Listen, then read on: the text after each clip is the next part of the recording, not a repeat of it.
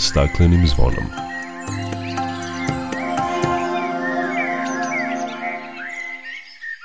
Dobar dan i dobrodošli na Zeleni talas prvog programa radija Radio Televizije Vojvodine. Ja sam Dragana Ratković. Upravljanje otpadom je jedan od najvećih ekoloških problema kod nas. Nadležni kažu da je Vojvodina u poređenju sa prethodnim periodom dosta napredovala pre svega u upravljanju komunalnim otpadom.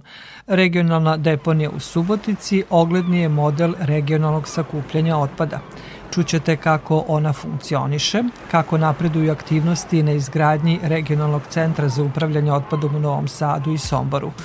U zimskim mesecima, kada je hladno, pojedine životinje ulaze u stanje mirovanja hibernaciju. Govorit ćemo o tome kako se zimi ponašaju pojedine vrste riba, šta su to zimovnici i čime se hrane. Biće reći i o stradanju divljači u Kulskom ataru zbog aktivnosti čoveka u poljoprivredi, kao i o kampanji Cimeri iz divljine koju realizuje Svetska organizacija za zaštitu prirode WWF. Toliko u najavi o svemu opširnije nakon pozdravne pesme. Dok priroda kraj nas plače Za vladarskim svojim tronom Tužno vele narikače Pod staklenim smo zvonom Znaj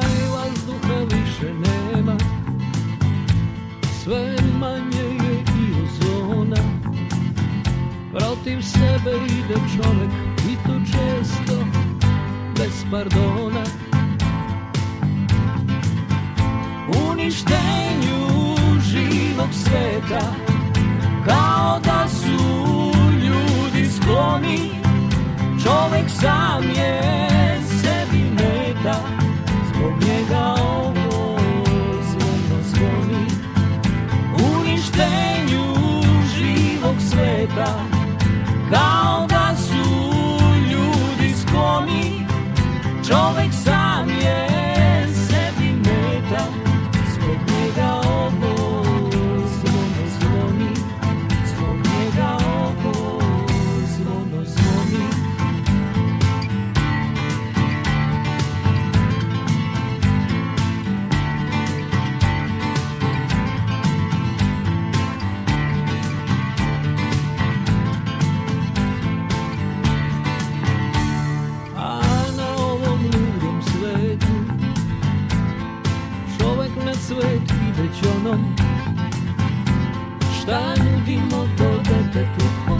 Stakleni kad smo zvonom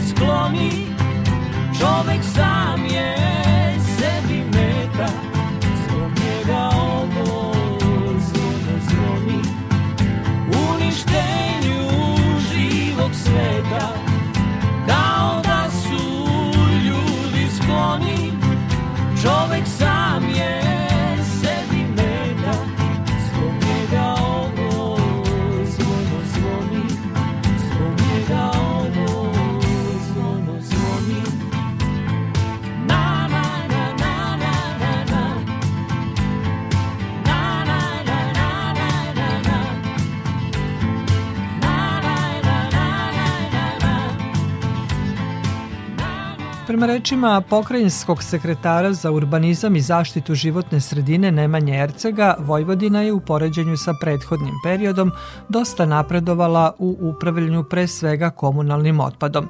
Zelenim kantama i sistemom odnošenja smeća pokriveno je 95% domaćinstava, a u 2024. godini resorni sekretarijat podelit će i plave kante za primarnu separaciju u koju će se odvajati reciklabilni otpad. U nekim regionima već je počelo uvođenje primarne separacije kao što je region sa centrom u Subotici. Regionalna deponija u Subotici ima ogledni model regionalnog sakupljanja otpada. Tim povodom razgovarala sam sa direktorom regionalne deponije Gligorom Gelertom. Regionalna deponija u Subotici je ogledni model regionalnog sakupljanja otpada. Regionalna deponija dobila je integrisanu IPPC dozvolu i ishodovanje te dozvole je izuzetno teško, ali kad je dobijete to je znak da ste zadovoljili sve aspekte zaštite životne sredine. Kako posle dobijanja dozvole funkcioniše regionalna deponija? Hvala vam lepo na lepim rečima. Da, dosta je težak e, proces i za nas vezano baš za dokumentacijonu fazu, znači za nabavku niz dokumentacije po našim zakonima. Naravno, naš krajnji cilj je bio dobijanje IPPC dozvole, znači integrisane dozvole za zaštitu životne sredine. Naš cilj je bio i sa tehničkog i organizacijonog i drugog aspekata da zadovoljimo sve kriterijume znači zaštite životne sredine iz aspekta izgrađenih deponija po evropskim direktivama jer znamo da je projekat bio e, izgrađen preko IPA fonda sa dodelom i naravno države i veliki projekat e, je zaživio, imamo sad tu integrisanu dozvolu za 10 godina kako je predviđeno. Naravno, nama je to tako da kažem, bio jako težak i mukotrpan proces dok smo stigli do ovde. Treba da se zadovoji niz e, detaljnih e, kriterijuma. IPPC je faktički omogućio i rad sa industrijom i sa industrijskim proizvodjačima koji imaju naravno svoj otpad. Mi smo u mogućnosti za primanje industrijskog otpada, naglašavam neopasnog otpada, za primanje, za tretman i odlaganje. Kako danas izgleda, kao što rekoh, funkcionisanje deponije? Koliko otpada dnevno se dovozi na deponiju i šta se sa njim radi dalje? Ova aglomeracija je nekih 225.006 opština u većim delom u Severno-Batskom okrugu i delom znači Severno-Banatskog okruga su priključeni toj aglomeraciji i naravno vlasnička struktura u dominantnom smislu je e, za grad Suboticu koji faktički nam omogućuje 54,7% otpada iz grada. Znači mi u aglomeraciji imamo sedam vlasnika, je predviđeno imanje na maksimalnih nekih kapaciteta 70.000 tona godišnje. Ova naša regionalna deponija ima mogućnosti u tehnološkom funkcionalnom smislu da već razvrstava i organski deo koji u strukturi otpada dominantni deo otpada, znači oko 45 do 50% možda i malo više stiže nam iz ruralne sredine taj organski otpad. I naravno ono što je jako bitno omogućeno je upravljanje sa time je izgrađena industrijska kompostara gde vršimo, tako da kažem, i kompostiranje i naravno vezano za čest komunalni otpad se vrši sekundarna selekcija. Ono što je jako bitno da za odlaganje je naravno predviđeno nekih 7,26 hektara e, za odlagalište ili u stvari deponije, kasete koji su naravno izgrađene po evropskim direktivama i maksimalno je pod zaštitom i podzemna voda i naravno tlo i predviđeno je posle izvesnog vremena i mogućnost iskorišćavanja deponija gasa. Generalno imamo i završetak rješenja i e, sistemima otpadnih voda, znači prečišćavamo otpadne vode i sva ta tehnološka celina i za uživanje je dao mogućnost znači za dobijanje IPPC dozvole. Opštine koje gravitiraju ka regionalnoj deponiji upotpunile sistem upravljanja rada deponije na taj način što su otvoreni reciklažni centri. Da, tako je. Pokrajinski sekretarijat je izdao nam dozvolu znači centre za sakupljanje otpada. Imamo sedam komada, znači to je tako i u projektu predviđeno, znači da u šest opština i naravno u našem centralnom kompleksu što je predviđeno za Suboticu da imamo sedam centara za sakupljanje otpada. Ti centri su generalno predviđeni za građane i za otpad koji se stvara u domaćinstvu. Generalno sada je data od znacima navoda jedna komfortna mogućnost stanovnika da e, donese e, besplatno ovaj njihov otpad koji se stvara u domaćinstvima. Mi imamo svoj protokol primanja tog otpada koji se bazira na tome da postoji za neke otpade i limit, baš za lakšu manipulaciju i naravno da omogućimo da samo e, u nekom smislu e, građanima izađemo u susret. Dokle se stiglo sa primarnom separacijom otpada u ovim opštinama? Generalno, što se tiče primarne selekcije, to je velika sledeća etapa gde po odlukama vezano za e, organizovano sakupljanje i uvođenje primarne selekcije da kao zadatak javnim komunalnim preduzećima. I naravno počeli su Toki, znači u sedište Toke je organizovano, znači dvokantni sistem, gde od početka vidimo da ono što smo imali neku vrstu bojaznosti zbog smanje ekološke svesti, građani su takozvanu plavu kantu reciklirani deo otpada u 70-80%, tako da kažem, potrebili u tokom selektiranja i naravno posle Toke i Mali još se organizovao vezano za dvokratni sistem i u aprilu Palić, ali naravno ostale opštine još treba da uvedu, tako da kažem, tu vrstu dvokantnog sistema, zelenu i plavu kantu i tako bi završili, tako da kažem, kompletnu ovaj primanu selekciju. Primana selekcija je izuzetno bitna za rad regionalne deponije, jer kompletna ta tehnologija je predviđena za što bolju reciklažu ili stope reciklaže, da se to što bolja ili kvalitetna primana selekcija bude e, pre e, sekundarne selekcije. Mnogo toga ste uradili. Kakvi su vam planovi? Naše želje da nastavimo primarnu selekciju i da radimo organizaciju pomoći javnih komunalnih preduzeća da nam omoguće ovu mogućnost. Znači da se to, ta primarna selekcija postepom ili fazom ili mozaično kako javna komunalna preduzeća imaju svoj program, znači da uvedu e, u stanovništvo i naravno ono što u svakom smislu je jako potrebno, to je izgradnje ekološke svesti, to kontinualno ide, znači i, i kod mladih generacija do informisanja starih generacija i penzionera. Naravno, to smo gledali prilikom e, otvaranja centra za sakupljanje otpada, da naše radno vreme bude tako da bude svakome konforno i onima koji su zaposleni i oni koji su i u penziji. Hvala vam. Prijatno, doviđenja. Prijetno, doviđenja.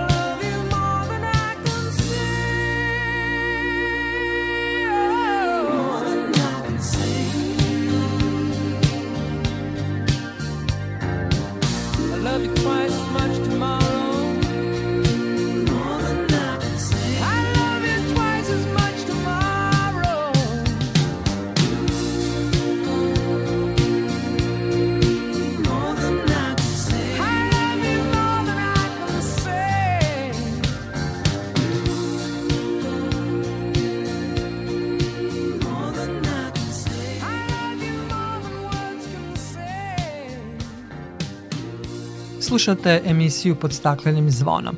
Novi Sad i opštine Bačka Palanka, Bački Petrovac, Beočin, Srbobran, Temerin, Vrbas i Žabalj osnivaju zajedničko javno komunalno preduzeće Regionalni centar za upravljanje otpadom Novi Sad, koje će upravljati budućom regionalnom deponijom.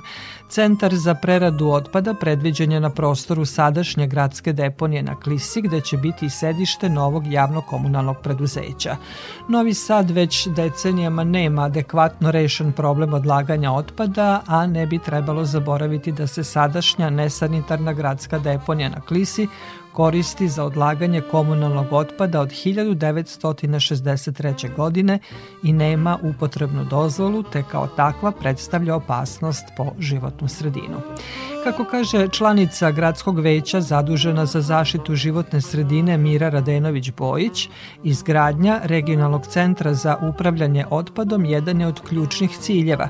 Dokumentacija je u potpunosti gotova, pripremljene su javne nabavke i sad očekujemo da prođemo konsultativne korake sa Evropskom komisijom i da se raspišu javni pozivi za izvođača radova i nadzora.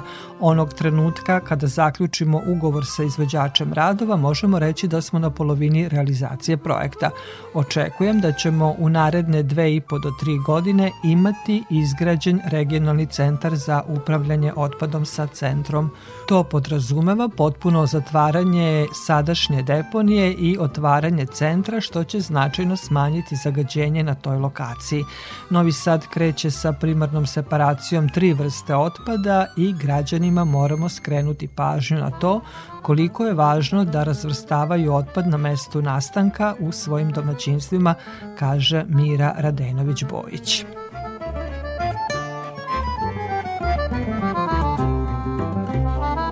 Sombor će biti sedište regionalnog centra za upravljanje otpadom za zapadnu Bačku. Osnovano je javno-komunalno preduzeće koje će upravljati deponijom, a ona će biti izgrađena na prostoru sadašnje nesanitarne deponije Rančevo. Čujmo šta o izgradnji regionalnog centra za upravljanje otpadom u Somboru kaže direktor Miroslav Kovačić.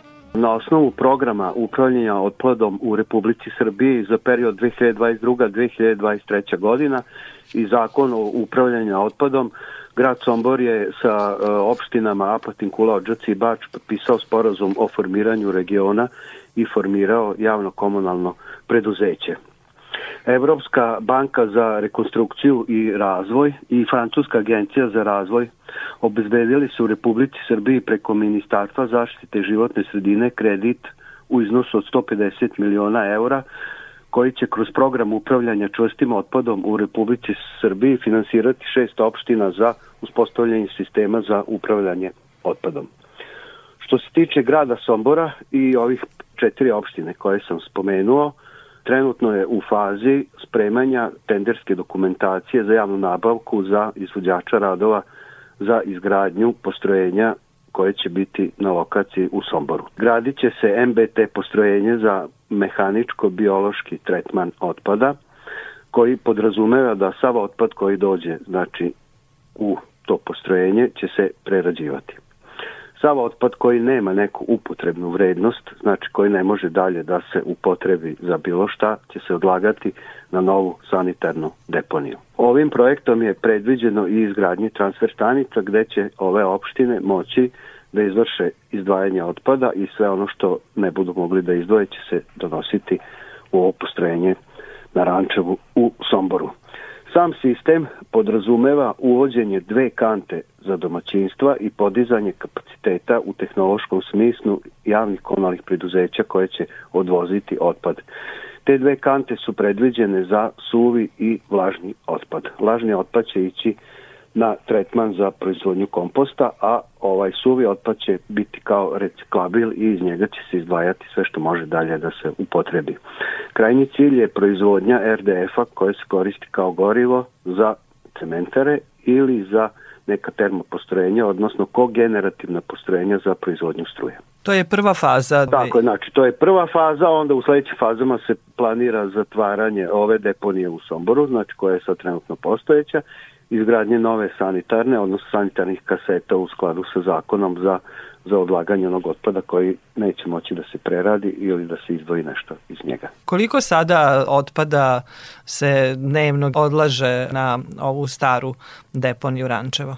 Sad trenutno, znači, pošto ove opštine još ne donose otpad na deponiju Rančevo, tu negde oko 30 do 35 hiljada tona se generiše otpada na deponiju Rančevu. Predviđene neke količine su oko 65 do 70 hiljada tona kada se uspostavi sistem da region počne da funkcioniše. Dokle se sada stiglo sa uspostavljanjem primarne separacije u Somboru? Mi sad ovaj, čekamo sistem dve kante. Znači, primarne separacije trenutno nema ništa. Što se tiče sekundarne, kroz javno preduzeće i grad Sombor su i kroz neke programe trenutno ima postavljeni kavezi za, za staklenu ambalažu i imamo ove kaveze za, za pet ambalažu. Kad bi mogli da očekujemo da će početi izgradnja?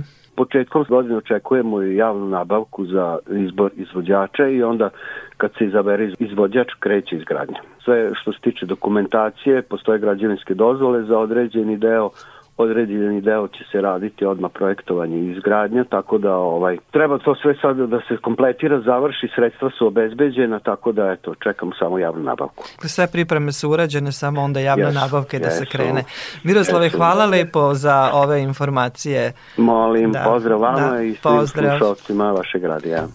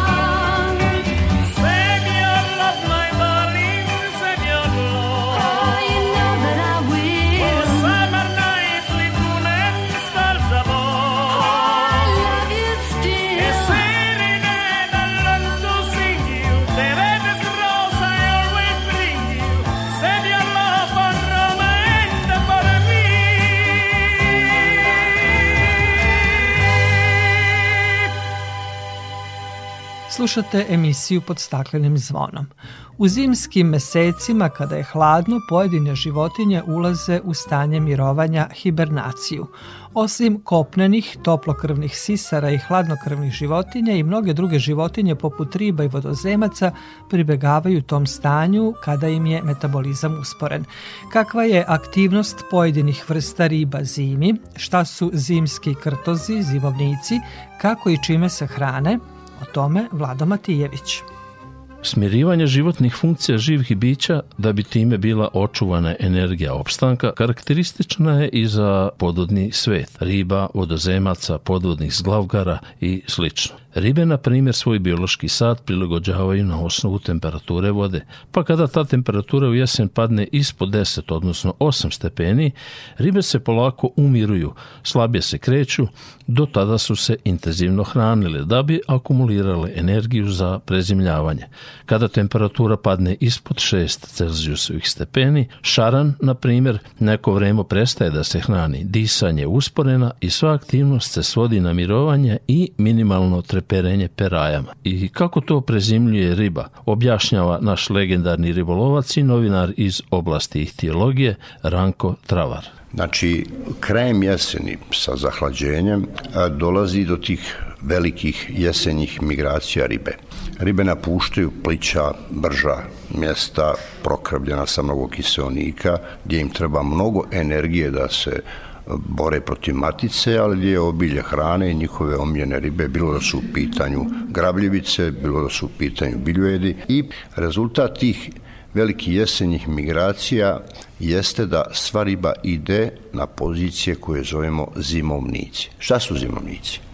Zimovnici su po pravilu najdublja mjesta na rijekama, Kad kažem najdublja mjesta u rijeci, to ne znači da ribe borave na dubinama od 25-30 metara, jer tu je deficit kiseonika i to nisu zone gdje se riba zadržava, ali ti dublji, mirniji virovi su mjesta gdje se one grupišu u velikim količinama. Metabolizam riba je različit. Ne reaguju sve ribe na isti način na smanjenje temperature. Neke su veoma osjetljive na smanjenje temperature, pa ranije ulaze u tu neku fazu, nazovimo je hibernacije, na primer som, Znači, to je dosta gabaritna riba koja troši mnogo energije da bi došla do svog plena ili grabljivica. Oni među prvim ribama ulaze u te svoje rupe na dubokim mjestima gdje nema strujanje vodenih, gdje se jedan na drugog gomilaju, a poslije soma šaran, mada je šaran gdje ga nađu i u januaru, pa ako mu napipaju mjesta gdje je grupisan u većem broju i tekako je aktivan, ali ne mijenja poziciju i nakon najobiljnijeg hranjenja on neće napustiti to mjesto gdje se grupiše u velikom broju. A imamo opet vrste riba koji imaju mnogo veću toleranciju na niske temperature koje su aktivne i preko cijele zime u koje recimo mogu da obrojim pojedine vrste bijeli riba, recimo krupačica je aktivna, za deveriku ne možemo reći da je, a mada se može uloviti, znači sve što se dešava, dešava se u tim relativno kratkim pasažima rijeka sa mirnom i dubokom vodom. Jedan od najvećih je bio zimovnika na cijelom toku Dunava upravo ovdje u Novom Sadu između Duge, bivšeg Petrovaradinskog mosta i Žeželja. Pa i ispod Žeželja i malo iznad Duge To je bila ogromna koncentracija sve vrste riba, a prije svega ciprinjih vrsta pre nekih 14, 15, možda i više godina. Nekakva kampanja da se ta riba izlovljava za potrebe neću reći koje firme da prave riblje paštete, ta kampanja je trajala 2-3 godine, jer ribe na ovom potezu je neuporedivo, neuporedivo manje. Mogu da govorim da nije ostalo možda čak ni 5% riba to je jedan ružan primjer kako pogrešne odluke mogu izazvati dugoročno katastrofalne posljedice. To što je riba u zimovnicima, to ne znači da se ona ne može loviti. Mjesta su se za ribolov promijenila, način ribolova se promijenio, prezentacije su sporije, riba ne radi tako intenzivno, iako se javlja, onda je to u najtoplijem dijelu dana, a ne ujutru, ne predveče izuzimam tu smuđa, koji također hoće u polovini dana, ali ipak mi koji lovimo sa obale, pošto se prirodno približava noću prema obali, lovimo ga na varavcu bliže obali. Postoje naravno i drugi podvodni stanovnici koje svoje životne funkcije prilagođavaju zimskom periodu. Oni su ujedno i izvor hrane ribama, a Ranko Travar prenosi nam i neke zanimljivosti. Najbrojniji rakušac na Dunavu je Rivulo gamarus to je vrsta dunavskog gamorusa koji je veći u odnosu recimo na gamaruse sa salmoninih tokova. On se povlači i dalje u zoni obale, ali zalazi u dublje reone. Znači, ranije smo ga mogli naći bukvalno u pličacima, sada eventualno kad to znamo kad izvadimo neku krpu i to nalazimo ga i na 10 metara udaljenosti od obale, na dubinama od nekih 5, 6 i više metara. Opet imamo iz roda hidropsiha, vrlo prisutno prisutno, to je jedan insekt iz roda tularaša. Najbolje će vaši slušalci to znati ono kad idemo preko duge, recimo u poznu jesen ili u ranu jesen, pa oko svjetiljki bezbrojni mušica. E to su ti tularaši iz roda hidropsiha. Njih možemo naći na 50 metara od obale. Oni se nalaze na cijelom tom, kako kažu, longitudinalnom profilu rijeke, ali uslove da je to da nije pjesak, da nije već da ima nešto kamena, da ima neki struktura, to je veoma, veoma važan insekat u tom lancu ishrane. Naravno, ove sitne, one oštre školjkice kojim se hrane najviše šaran, protviši ta riba, oni ne mijenjaju poziciju.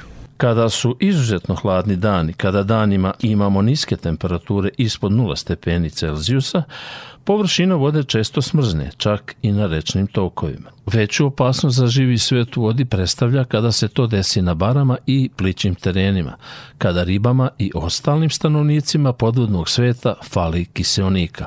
Kako se u tim situacijama može pomoći podvodnom živom svetu da opstane? Ranko Travar ukazuje na pomoć čoveka korisan je save da napravimo rupu na ledu, da napravimo neku malu bazu kiseonika, To je više aktuelno za jako plitke bare. U zimama, kad su vrlo niski vodostaj Dunava, naravno da i te bare koje dobivaju vodu podzemnim putem, da imaju vrlo nisku vodu i može se desiti da zalede bukvalno do dna. Tada, čini mi se, jedino preživi babuška i ribe, možda i nešto štuke, ribe koje mogu da boreve u muju.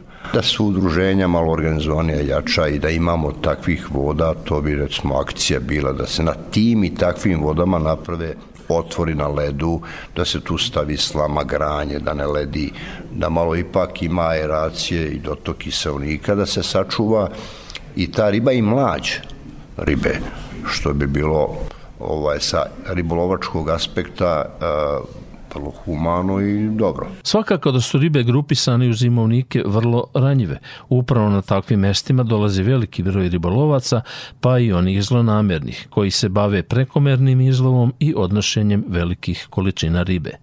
Humano je poneti onoliko ribe koliko je dovoljno vašoj porodici, eventualno nekom od prijatelja ali nošenje ulovljenih riba iz krtoga ili zimovnika u takozvanim kantama i upolkama svakako nije za pohvalu.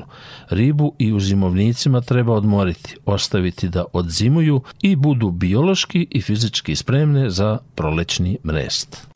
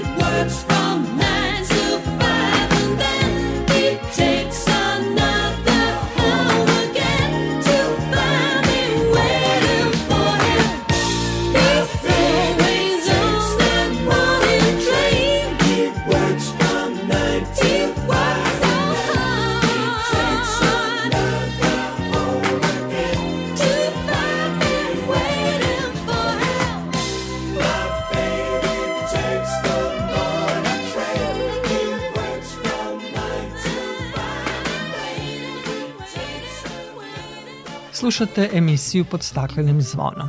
U ataru opštine Kula u blizini planinarskog doma pronađene su uginule srne i druge divlje životinje. O ovom nemilom događaju sa upravnikom lovišta u Kuli, Slobodanom Bedičinom, razgovarala je Aleksandra Dejanović. Gospodine Bedičin, da vas pitamo kada i gde i koliko životinja ste našli? Pa sveukupno do sada smo našli 12 srneće divljači. Šta to znači za populaciju divljači na, na ovom prostoru? Pa znači da je poremećen lanac ishrane. Znači ovde je u pitanju otrov, Znači tu je stradala pored srneće divljači zečija populacija, lisice, šakali, orlovi, sokolovi, tako da smo tu jedan ozbiljan debalans u prirodnom staništu napravili. Koje korake ste preduzeli? Pa preduzeli smo korake da smo pozvali sve nadležne organe, to je Republička veterinarska inspekcija, lovna inspekcija, fitosanitarna inspekcija i policijska stanica u Kuli. A povrh toga, već od 15. decembra članovi našeg lovačkog društva u Kuli počeli smo da razmatramo to pitanje i doneli smo odluku da ne vršimo odstrel srna za koju imamo 20 komada kvotu. I mi smo to odložili. Šta je uzrok uginuća srna? Uzrok uginuća srna je trovanje, znači u pitanju je, na svu, da kažem, na svu sreću otrov za glodare koji je sasvim legalan u našoj državi. E sad jedini je problem što pojedini poljoprivredni proizvođači nisu koristili taj otrov u skladu sa zakonom i u skladu sa merama koje je propisao sam proizvođač. Otrov je trebao da bude sipan u rupe glodara i svaka rupa je trebala biti zatvorena. Međutim, to se ovde nije desilo Naši nesavesni poljoprivredni proizvođači su otrov sipali pored rupa i druge životinje su došle u kontakt sa tim otrovom i evo vidimo epilog na terenu. Vi redovno vodite računa o hranilištima, o hranjenju divljači. Da li se može isključiti u potpunosti da su srne i divljač uopšte bile gladne pa da su zbog toga e, pojele to ili isključivo rezultat toga što su to prosto našle tako na otvorenom i bilo im je dostupno. Mi iznosimo hranu redovno, znači na teritoriji našeg e, lovačkog društva imamo oko 50 hranilišta. Do sada smo izneli preko 4 tone hrane što pšenice, što kukuruza. Pored toga obavezno stavljamo kamenu so koja je neophodna za životinje, ali moramo imati u vidu da je ovo tip otvorenog lovišta da su to divlje životinje i da mi njih ne možemo skoncentrisati na naša hranilišta. One jednostavno iz svoje potrebe vole da spavaju na otvorenom, na pšenici, na oranicama. Kad se nađu na pšenici, poneka, ne sve iz krda, uzima hranu koju nađe tamo. I onda se dešava ovo što se dešava. Takođe je vrlo važno i naći krivca za ovo. Dokle se stiglo sa tim delom istrage i e, da li tu imate neke nove informacije? Da, imamo tu informacija, znači danas to nije problem, mapirali smo sve parcele, ovde gde, gde smo našli dva komada srneće divljače na jednoj parceli i otrov, Poznat je vlasnik, fitosanitarna inspekcija će podneti prijavu za nesavesno rukovanje otrovima, a šta će policija uraditi, vidjet ćemo, nadam se da tu ima elemenata i krivičnog dela. Kada je u pitanju e, briga o divljači, šta vam je dalje činiti? Pa vidite, prva mera je bila da odložimo lovu, to jest da ga ukinemo za ovu lovnu sezonu koja traje do 31. januara, znači srne nećemo loviti. O tome smo obavestili sve nadležne organe da smo iz tih, iz tih razloga odložili lov. Sledeći korak će naš biti da obilazimo sve parcele koje su zasejane pšenicom i ječmom i da pokušamo da lociramo još neko mesto i da prijavimo nadležnim organima. Pored toga, nastavit ćemo sa iznošenjem hrane u naša lobišta, popunjavanjem hranilica i pod obavezno ćemo morati raditi prebrojavanje divljači uz pomoć nekih stručnih službi. Verovatno ćemo naći još uginule divljači, a što se tiče prebrojavanja divljači moći ćemo znati neki pravi rezultat tek kad prebrojimo, jer jer mi imamo našu statistiku i tada ćemo vršiti upoređivanje. Ali ja bih iskoristio, ako mi dozvolite, sad u ovom momentu da pozovem sve poljoprivredne proizvođače, ne samo sa teritorije Kule i Kulske opštine, uopšte Vojvodine, Srbije, da se odgovorno ponašaju u lovištu sa otrovima. Verovatno nikada nećemo saznati kakve su posledice i koliko će nam te posledice trajati zbog njihovog nesavesnog rada. Hvala vam puno, gospodine Vediće. Hvala vam. Mnoge divlje životinje stradaju i u saobraćaju. Da bi sačuvali divlje vrste i smanjili akcidentne situacije u saobraćaju, Nacionalni park Đerdap, poznat po biološkoj raznovrsnosti, postavio je edukativne table na mestima susreta ljudi i životinja. Tablama su obeleženi najčešći koridori pet životinskih vrsta, od kojih su neke strogo zaštićene poput evroazijskog risa i vidre. Obeleženi su i koridori jelena, ježe lisice koji nisu ugroženi, ali se pokazalo da su često stradali na saobraćajnicama. Projekat je realizovao upravljač tog zaštićenog područja uz podršku javnog preduzeća Nacionalni park Đerdap i Ministarstva zaštite životne sredine. To je prvi ovakav projekat u zaštićenim područjima kod nas i lep primer kako treba da štitimo divlje vrste kako ne bi stradale. Nasuprot onom slučaju iz Kule gde je otrovano osam srna i drugih divljih vrsta životinja, što samo pokazuje koliko ne vodimo računa o divljim životinjama koje zbog naše nesmotrenosti stradaju. Svetska organizacija za zaštitu prirode WWF pokrenula je kampanju Cimeri iz divljine, kojom želi da poveća svest ljudi o tome da divlje životinje pripadaju upravo divljini, a zbog našeg ponašanja mnoge od njih gube svoja staništa i brojnost im se smanjuje sve do istrebljenja. O kampanji Cimeri iz divljine razgovarala sam sa Aleksandrom Ugarković iz kancelarije WWF Adria u Beogradu.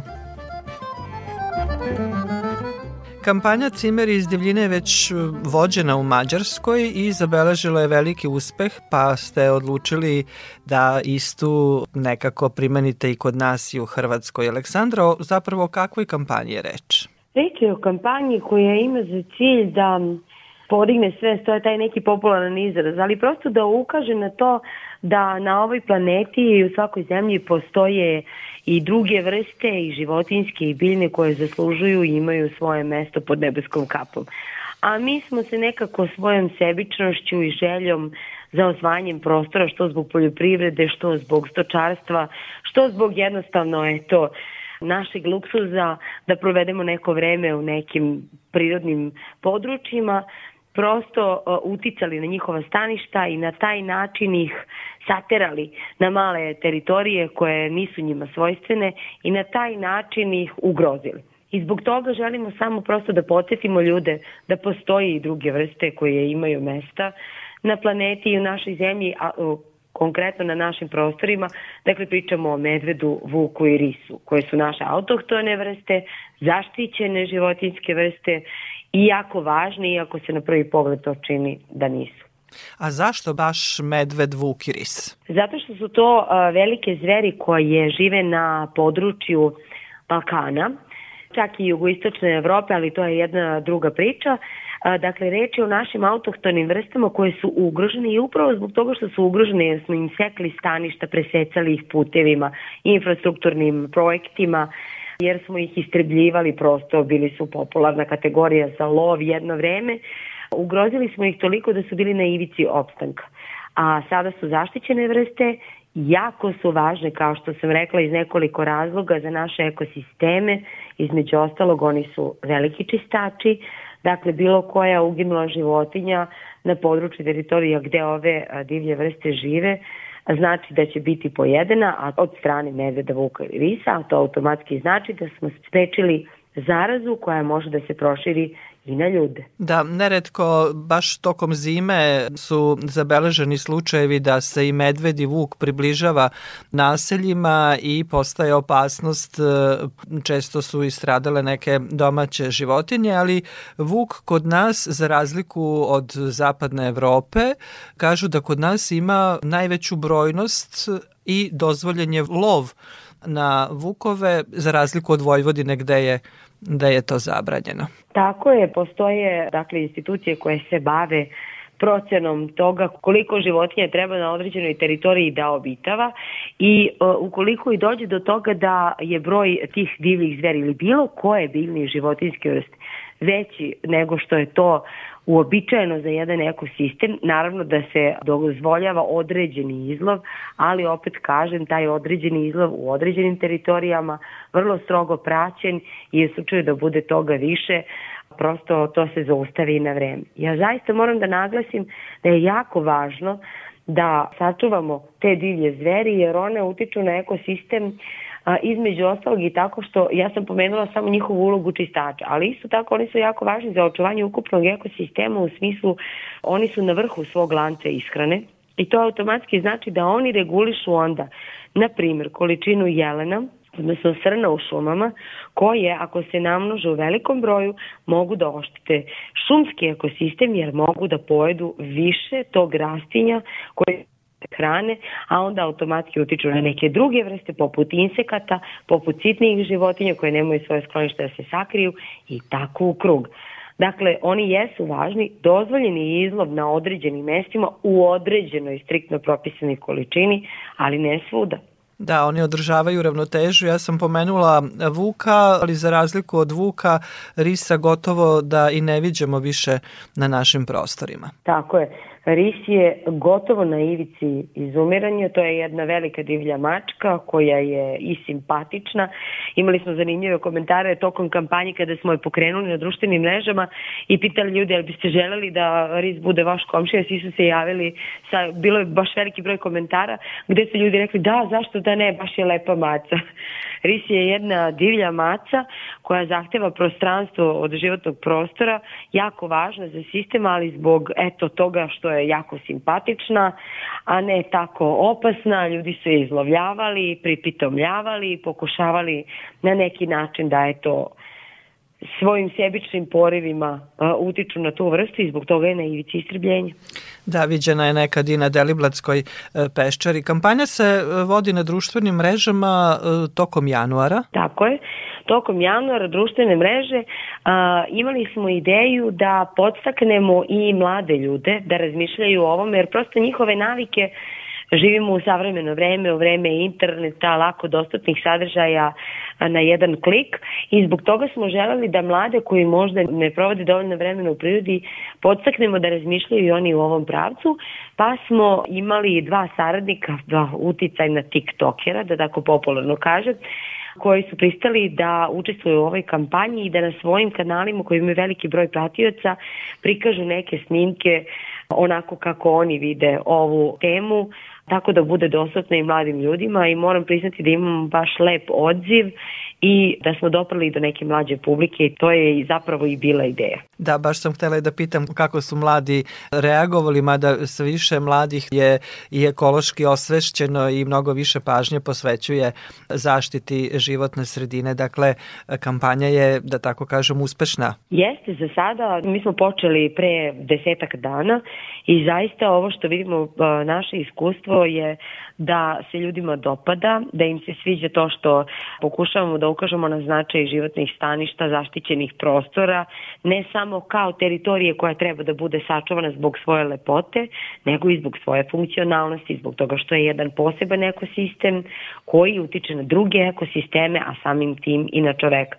I drago mi je da je veliki broj ljudi zainteresovan jer je ovo samo retrospektiva onih koje smo već radili i uvod u neke koje ćemo tek raditi, a odnose se na suživot ljudi i zveri i uvod u predstavljanje našeg velikog dvogodišnjeg izveštaja o stanju planete gde ćemo ukazati na to koliko smo umeđu vremenu od, od prethodne dve godine populacije vrste izgubili. To su uvek ovako poražavajući podaci za sve nas kada pročitamo koliko vrsta gubimo, a jedan od glavnih faktora jeste gubitak staništa.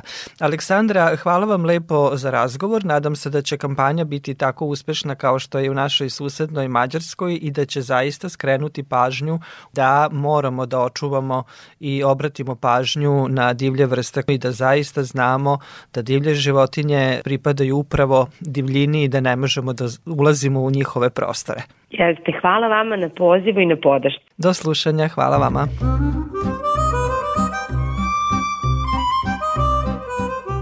Ne žive sve divlje životinje slobodno u divljini. Neke od njih su smeštene u zološke vrtove koji možemo obići i tokom zime.